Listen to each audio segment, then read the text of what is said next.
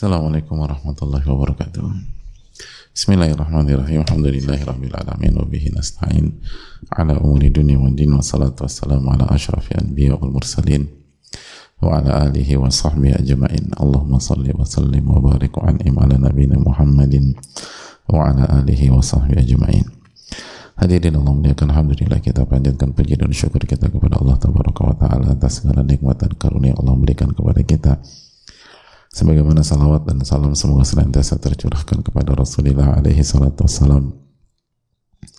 Beserta para keluarga, para sahabat dan orang-orang istiqomah berjalan di bawah naungan sunnah beliau sampai hari kiamat kelak. Hadirin yang muliakan kita kembali dipertemukan oleh Allah Subhanahu wa taala di majelis yang semoga Allah berkahi ini. Dalam rangka belajar menambah pemahaman dan ilmu kita. Sebagaimana semoga Allah memberikan taufik sehingga kita dapat menambah iman kita, ketakwaan kita, keyakinan kita kepada Allah Tabaraka wa Ta'ala. Menambah rasa cinta kita kepada Allah dan Rasulnya alaihi salatu wassalam. Dan mendapatkan ilmu nafi. Allahumma inna nas'aluka ilman nafi'a wa na'udzubika min ilmin la yanfa. Amin ya rabbal alamin. Sebagaimana salawat beriring salam semoga senantiasa tercurah kepada Rasulullah alaihi salatu wassalam beserta para keluarga, para sahabat dan orang-orang istiqomah berjalan di bawah naungan sunnah beliau sampai hari kiamat kelak. Hadirin Allah muliakan uh, kembali bersama bab ikram ahli baiti Rasulullah SAW memuliakan keluarga Rasulullah Sallallahu Alaihi Wasallam dan kita masih membahas hadis Zaid bin Arqam ketika Nabi SAW berada di Khum antara Mekah, mata air antara Mekah dan Madinah lalu beliau sampaikan bahwa secara uh, mengisyaratkan lebih tepatnya bahwa usia beliau sudah tidak lama lagi dan beliau menyampaikan bahwa beliau meninggalkan atau mewariskan dua hal besar, dua hal yang agung, dua hal yang mulia. Yang pertama adalah kitabullah Al-Quranul Karim.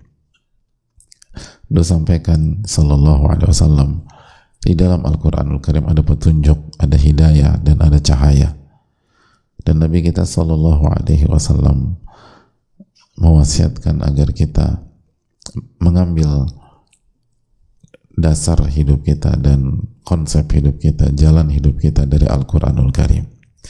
Dan bukan hanya mengambil, tapi berpegang teguh dengan apa yang Allah firmankan di dalam Al-Quranul Karim. Kenapa demikian? Karena tidak diragukan lagi Al-Quran adalah hidayah bagi orang-orang beriman. Dzalikal kitabul la raiba hudalil muttaqin. Kitab ini nggak ada keraguan kata Allah. Sebagai petunjuk bagi orang-orang yang bertakwa.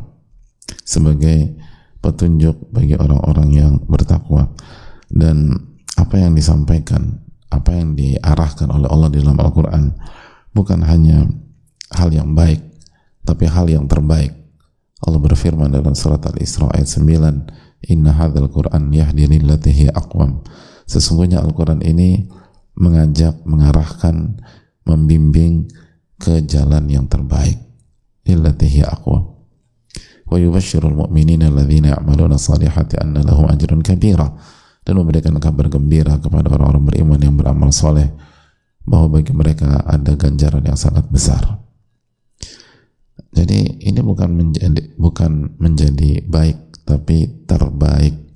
Inna hadzal Qur'an yahdi lillati hiya aqwam sesungguhnya Al-Quran ini mengarah mengarahkan, mengajak dan memberikan petunjuk kepada jalan yang terbaik. Oleh karena itu semoga Allah memberikan taufik kepada kita untuk bisa hidup bersama Al-Quranul Karim. Lalu yang berikutnya beliau menjelaskan tentang ahlul bait beliau. Dan ini perkara yang kedua. Udzakirukumullahu fi ahli baiti aku peringatkan kalian tentang ahli baitku, tentang keluargaku, tentang keluargaku. Udzakirukum udzakirukum Allah fi ahli baiti. Aku peringatkan atau ingatkan kalian tentang keluargaku dan hadirin Allah muliakan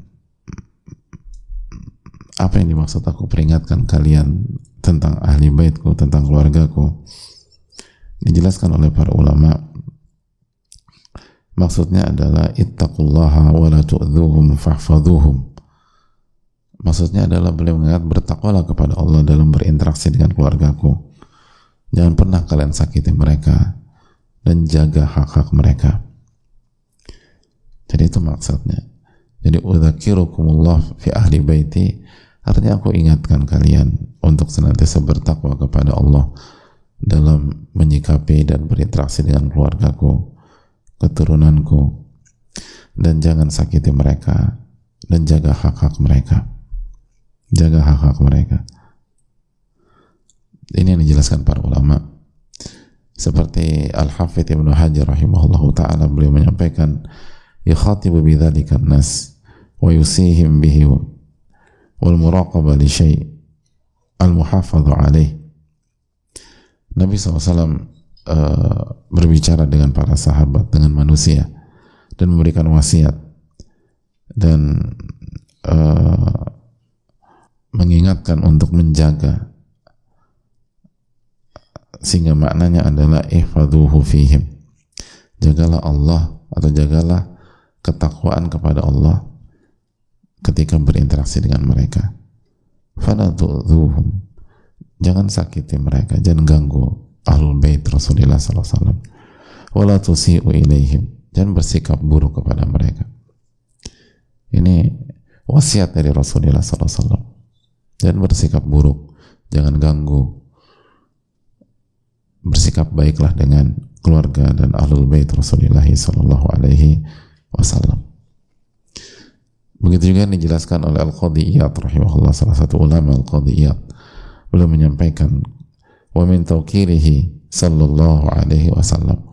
Dan salah satu bentuk memuliakan Rasulullah sallallahu alaihi wasallam. Wa birrihi. Dan di antara bentuk berbakti kepada Rasulullah SAW berbuat baik kepada Rasulullah SAW birru alihi wa dhurriyyatihi wa ummahatil mu'minin azwajihi kama khassa alaihi sallallahu sallam wa salaku salafus salih. Jadi salah satu bentuk memuliakan Rasulullah SAW salah satu bentuk berbakti kepada Rasulullah SAW adalah berbuat baik kepada keluarga beliau berbuat baik kepada keturunan-keturunan beliau dan berbuat baik kepada istri-istri beliau ibu-ibu orang beriman karena istri Nabi SAW adalah ibunya ibundanya orang-orang beriman. Kama khassa alaihi eh kama maaf kama haddu alaihi sallallahu wasallam. Kama haddu alaihi sebagaimana yang di uh, di diarahkan dimotivasikan oleh Nabi kita sallallahu wasallam dianjurkan oleh Rasulullah wasallam. Dan inilah jalan yang ditempuh oleh generasi terbaik kata Al-Qadiyat inilah jalan ditempuh oleh salafus saleh. Generasi-generasi terbaik generasi-generasi pertama, para sahabat, para tabi'in, para tabi'ut tabi'in, mereka punya prinsip berbuat baik ke keluarga Rasulullah Sallallahu Alaihi Wasallam, berbuat baik kepada keturunan-keturunan Nabi SAW, berbuat baik kepada istri-istri Rasulullah Sallallahu Alaihi Wasallam. Karena ini adalah anjuran dari Rasulullah Sallallahu Alaihi Wasallam. Dan begitu juga ini yang disampaikan oleh salah satu ulama uh, Syafi'iyah, Madhab Syafi'i, Al-Iz bin Abdi Salam, rahimahullahu ta'ala. Beliau mengatakan, Tashruful mahabbatu bi syarafil mahbub. Uh, mulianya sebuah rasa cinta itu ditentukan oleh mulianya pihak yang kita cintai. Jadi semakin semakin mulia orang yang kita cintai atau pihak yang kita cintai maka cinta itu semakin berkualitas. Cinta itu semakin berkualitas. Jadi cinta itu dipengaruhi siapa yang kita cintai. Siapa yang kita cintai. Makanya ketika seseorang mencintai orang yang buruk sikapnya jahat dan seterusnya maka itu akan menurunkan value seseorang karena itulah konsep cinta-cinta itu tinggi rendahnya ditentukan oleh siapa yang dicintai. Semakin mulia yang kita cintai, maka semakin mulia rasa cinta itu. Kita dijelaskan Paul dan ini kaidah kehidupan. Semakin berkelas, semakin mulia, semakin tinggi sosok yang kita cintai, maka semakin mulia rasa cinta yang kita miliki, semakin tinggi kualitas cinta yang kita miliki. Makanya cinta tertinggi adalah cinta kepada Allah Taala. Karena Allah Al-Karim, Al-Aziz, Al-Muhsin, Al-Jabbar, Al-Aziz. Siapa yang lebih mulia dari Allah Taala? Maka mencintai Allah adalah cinta yang paling paling tinggi. Famahabbatu Rasulillah SAW asyrafu min mahabbati sa'iril ibad.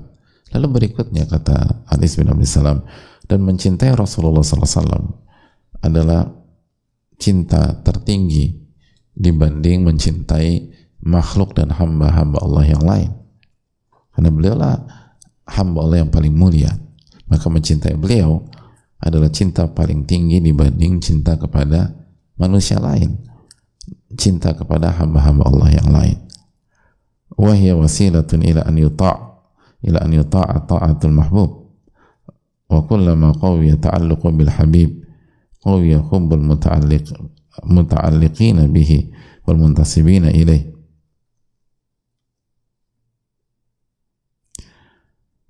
Lalu Al-Iz mengatakan setiap uh, bertambah kuat atau setiap uh, kuatnya uh, hubungan dan keterai, keterka, hubungan dan keter, ter, keterkaitan hubungan dan keterkaitan uh, seseorang dengan yang dicintai maka semakin kuat cintanya kepada pihak-pihak yang berhubungan dengan sosok yang dicintai tersebut dan pihak-pihak yang punya hubungan dekat dengan pihak yang dia cintai tersebut. Wa kullama qawiyat an-nisbatu qawiyatil mahabbah. Dan semakin dekat hubungan pihak itu maka semakin cinta. Ngerti gak sih? Antum tuh nyatet karena pasrah nggak ngerti yang penting nyatet aja atau benar-benar mentadaburi. Jadi gini loh, uh, apa? Setiap apa semakin dalam rasa cinta kita kepada seseorang maka kita akan semakin uh, semakin kuat cinta kita kepada setiap pihak yang punya hubungan dengan orang tersebut. Punya hubungan dengan orang tersebut. Jadi semua yang punya hubungan dekat dengan orang tersebut kita akan respect, kita akan hormati dan bahkan kita akan sayangi. Dan semakin dekat hubungannya dengan orang yang kita cintai, maka semakin cinta juga kita sama dia. Gitu loh. Jadi ya contohnya simpel gini. Ketika kita uh, kita mencintai kita mencintai orang tua kita, gitu loh. Dan kita uh, misalnya 10 bersaudara ketika kita dan kita anak nomor satu atau nomor lima terserah anak nomor berapa. Maka ketika kita mencintai orang tua kita maka konsekuensinya kita akan mencintai saudara-saudara atau saudari kandung kita yang lain. Karena saudara kandung dan saudari kandung kita itu punya hubungan erat dengan orang tua. Punya hubungan erat dengan dengan orang tua. Jadi bukan arahnya bukan jealous itu cinta yang benar. Arahnya kita semakin sayang sama mereka. Kenapa? Karena mereka hubungannya hubungan darah dengan orang tua kita sebagaimana kita punya hubungan darah dengan dengan beliau. Dan semakin dekat hubungan salah satu saudara kandung kita dengan orang tua kita maka cinta kita kepada saudara kandung kita itu semakin kuat. Misalnya kita tahu nih anak kesayangan orang tua kita tuh anak paling bungsu gitu. Adik kita yang paling kecil. Itu yang paling disayang sama orang tua kita. Udah jelas deh. Maka kita akan semakin sayang sama adik paling kecil kita itu. Kita tahu yang paling disayang sama orang tua tuh kakak nomor satu kita. Atau anak nomor tujuh gitu. Karena mungkin paling baik, paling perhatian. Dari semua kita bersepuluh apa eh, anak nomor tujuh atau kakak kita nomor satu yang paling disayang sama orang tua, maka kita akan sayang sama eh, seluruh saudara kandung kita, kesembilan saudara kandung kita kan kita sepuluh orang, kesembilan saudara kandung kita, tapi kita akan lebih sayang bukan tapi ya. Dan kita akan pakai dan ya bukan pakai tapi ya.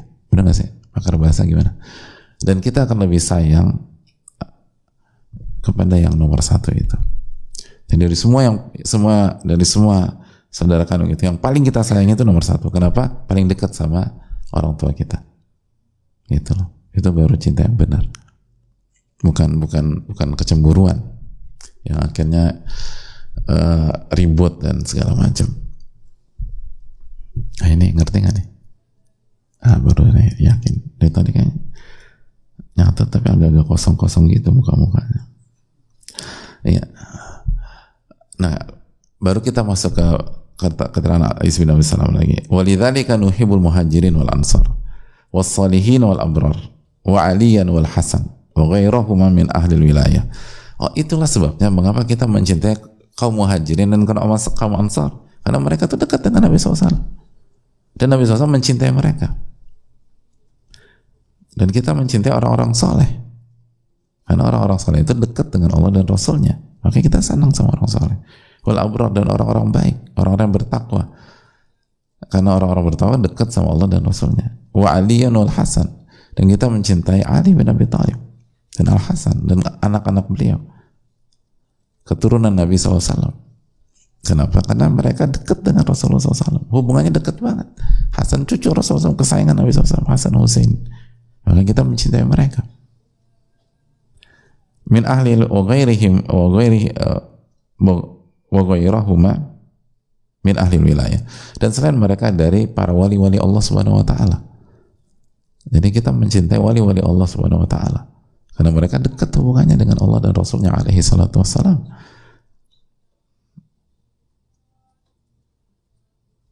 Jadi itu poin. وترتب وترتب محبتهم atau وترتب وترتب محبتهم ترتب منازلهم من الله في حبه وقربه dan kadar cinta mereka dan tingkatan cinta kepada mereka itu ditentukan dengan kedudukan mereka di sisi Allah Subhanahu wa taala dari sisi cinta dan kedekatan. Jadi semakin mereka dekat sama Allah, kita semakin cinta sama mereka. Gitu. Semakin cinta kepada Allah, kita semakin cinta kepada mereka. Makanya kita kita mencintai para sahabat Nabi SAW. Kenapa? Karena mereka dekat dengan Allah Subhanahu wa taala dan Rasulnya alaihi dan mencintai Allah Subhanahu wa taala dan Rasulullah SAW dan kita lebih cinta kepada Abu Bakar As-Siddiq dibanding sebagian atau sahabat yang lain kenapa? Karena kedudukan Pak Abu Bakar As-Siddiq radhiyallahu taala dengan Allah dan Rasulnya alaihissalam lebih tinggi lagi dan lebih dekat lagi dan lebih cinta lagi dan begitu seterusnya. Itu itu hal yang perlu kita tanamkan bersama-sama. Kita mencintai misalnya sahabat-sahabat cilik atau sahabat-sahabat muda uh, Rasulullah SAW. Tapi kita harus lebih cinta kepada Hasan Hussein dibanding eh, anak-anak uh, yang sepantaran mereka pada saat itu. Kenapa? Karena ini cucu Rasulullah SAW. Dan begitu seterusnya. Jelas ini Oke. Okay. Lalu juga ulama menjelaskan fa'ahlu sunnah yuhibbuna ahlal bait dan ahlu sunnah mencintai keluarga Rasulullah SAW Ahlu sunnah mencintai ahlul bait Rasulullah SAW. Makanya nggak boleh benci ahlul bait. Ahlu sunnah itu prinsip mencintai ahlul bait. Wa yukrimunahum dan mereka memuliakan, bukan mencintai memuliakan. Wa yahfaduna fihi wasiyat Rasulullah SAW. Mereka memuliakan dan mereka menjaga wasiat Rasulullah SAW. Karena ini wasiat Nabi. Udzakirukumullah fi ahlil bait. Aku ingatkan, aku wasiatkan kalian untuk bertakwa kepada Allah dan menyikapi ahlul baitku. Dan dzalika min mahabbatin Nabi SAW wa ikramihi. Sallallahu Alaihi Wasallam. Karena ini salah satu bentuk mencintai Nabi Wasallam dan memuliakan Nabi kita Sallallahu. Jadi memuliakan keluarga Nabi Wasallam itu bentuk memuliakan beliau Sallallahu. Sama. Ada orang memuliakan anak kita itu artinya memuliakan kita. Ada orang memuliakan keluarga kita itu berarti memuliakan kita. Ada orang memuliakan istri kita itu berarti memuliakan kita. Selalu demikian logika sederhananya. Sebaliknya ada orang me, me, apa, merendahkan uh, anak-anak kita itu dan dia tahu itu anak kita. Itu sama saya arahnya ke kita. Ada orang merendahkan istri hadirin sekalian dan mereka tahu itu istri hadirin. Itu arahnya tuh ke hadirin sekalian bukan hanya sebatas ke istri ke istri hadirin. Sel, selalu begitu. Itu cara berpikir ilmiah. Makanya Nabi SAW wanti-wanti. Saya peringatkan kalian, saya peringatkan kalian. وذلك بشرط أن يكونوا متبعين لسنة مستقيمين على الملة كما كان سلفهم كالعباس وبنيه وعلي وبنيه رضي الله تعالى عنهم dan ini dengan syarat mereka itu mengikuti sunnah Nabi SAW dan istiqomah terhadap sunnah Nabi SAW sebagaimana uh, keluarga Nabi SAW di generasi awal seperti Abbas dan anak-anaknya radhiyallahu taala anhum atau Ali bin Abi Thalib radhiyallahu dan anak-anaknya itu menjalankan dan istiqomah di atas sunnah Nabi kita sallallahu alaihi wasallam. Wa amma man khalafa sunnah wa lam yastaqim ala din fa innahu la yuzum walatuhu. Adapun apabila uh, menyelisihi sunnah Nabi SAW dan tidak istiqomah di atas sunnah Rasulullah SAW, maka kita nggak bisa membenarkan kesalahan tersebut gitu. Jadi bukan berarti mengiyakan semuanya. Walaupun min ahlul bait walaupun termas walaupun bagian dari keluarga Nabi kita sallallahu alaihi wasallam. Maka sikap ahlus sunnah wal jamaah terhadap keluarga dan ahlul bait Nabi SAW al-i'tidal wal insaf. Berusaha selalu objektif dan moderat gitu loh. Jadi dan itu kan jelas ya itu diajarkan oleh Rasulullah SAW langsung. Makanya apa kata Nabi SAW kepada salah satu sosok yang paling dekat dengan beliau dari keluarga beliau Sallallahu Alaihi Fatimah? Kata Nabi SAW dalam hadis Bukhari wa aimullah demi Allah law anna Fatimah binta Muhammadin saraqat laqata'tu yadaha demi Allah kalau Fatimah anaknya Muhammad untuk penekanan. Jadi beliau Fatimah. Fatimah siapa? Anak saya gitu maksudnya. Kalau saja Fatimah anak Muhammad sallallahu alaihi wasallam. Ini Nabi SAW yang bersabda, Sarakot, beliau mencuri, saya yang, saya yang akan langsung menghukumnya. Saya akan potong tangannya. Saya akan langsung menghukum. Itu menunjukkan bahwa kenapa? Karena mencuri menyelisih sunnah Rasulullah Sallallahu Alaihi Wasallam itu kesalahan, bukan dibenarkan yaitu Fatimah radhiyallahu taala. Bagaimana generasi-generasi berikutnya? Fatimah radhiyallahu itu langsung darah Rasulullah alaihi wasallam. Dan anak yang paling beliau cintai.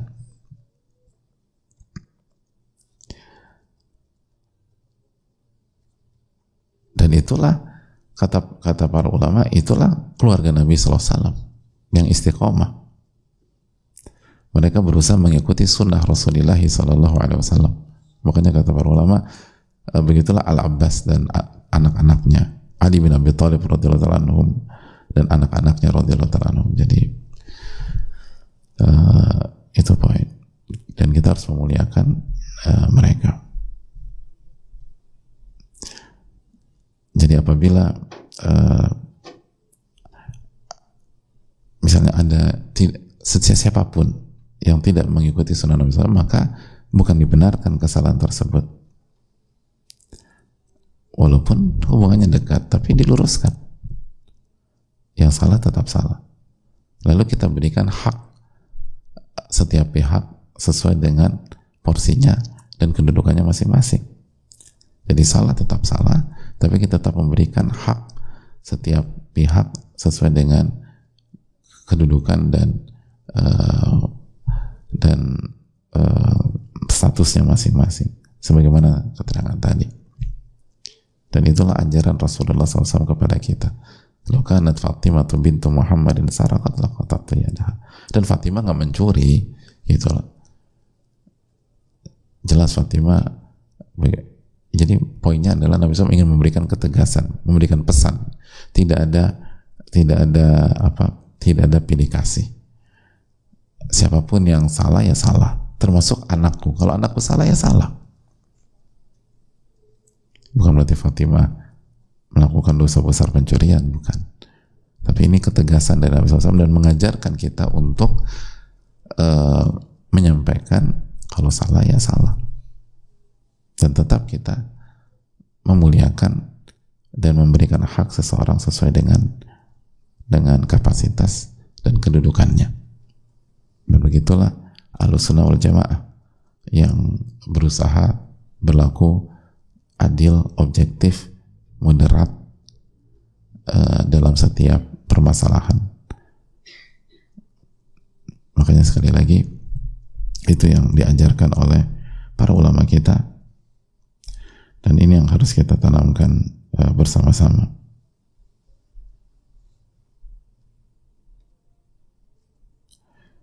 Dan hadirin Allah muliakan dan uh, selalu ingat apa yang dikatakan Al-Iz bin Abdul Salam di atas bahwa cinta itu kualitasnya tergantung siapa yang kita cintai maka cinta yang paling tinggi adalah cinta kepada Allah Subhanahu wa taala dan cinta kepada Rasulullah SAW dan konsekuensinya kita harus mencintai juga pihak-pihak yang dekat dengan Allah dan Rasulnya alaihi salatu wassalam semakin dekat pihak tersebut dengan Allah dan Rasulnya alaihissalam maka kita harus semakin respect, semakin menghormati, semakin sayang, semakin mencintai kepada kepada mereka. Ini yang bisa disampaikan semoga bermanfaat. Wassalamualaikum warahmatullahi wabarakatuh. Illa anta. Assalamualaikum warahmatullahi wabarakatuh. Syukur.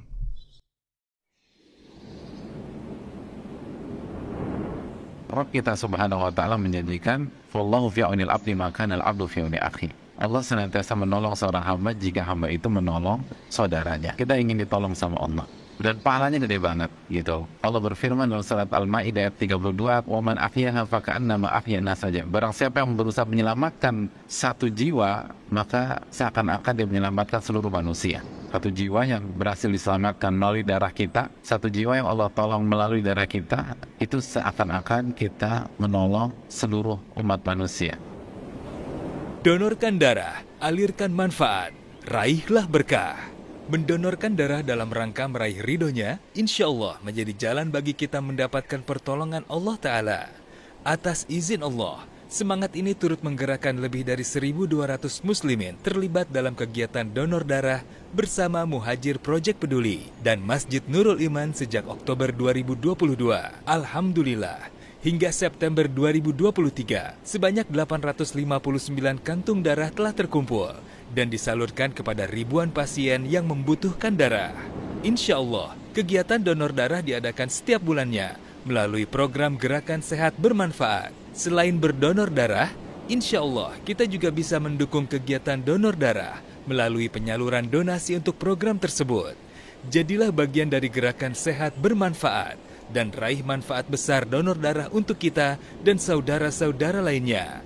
Salurkan sedekah terbaik kita melalui CIMB Niaga Syariah 8600 1383 0600 kode bank 022 atas nama Muhajir Peduli Indonesia.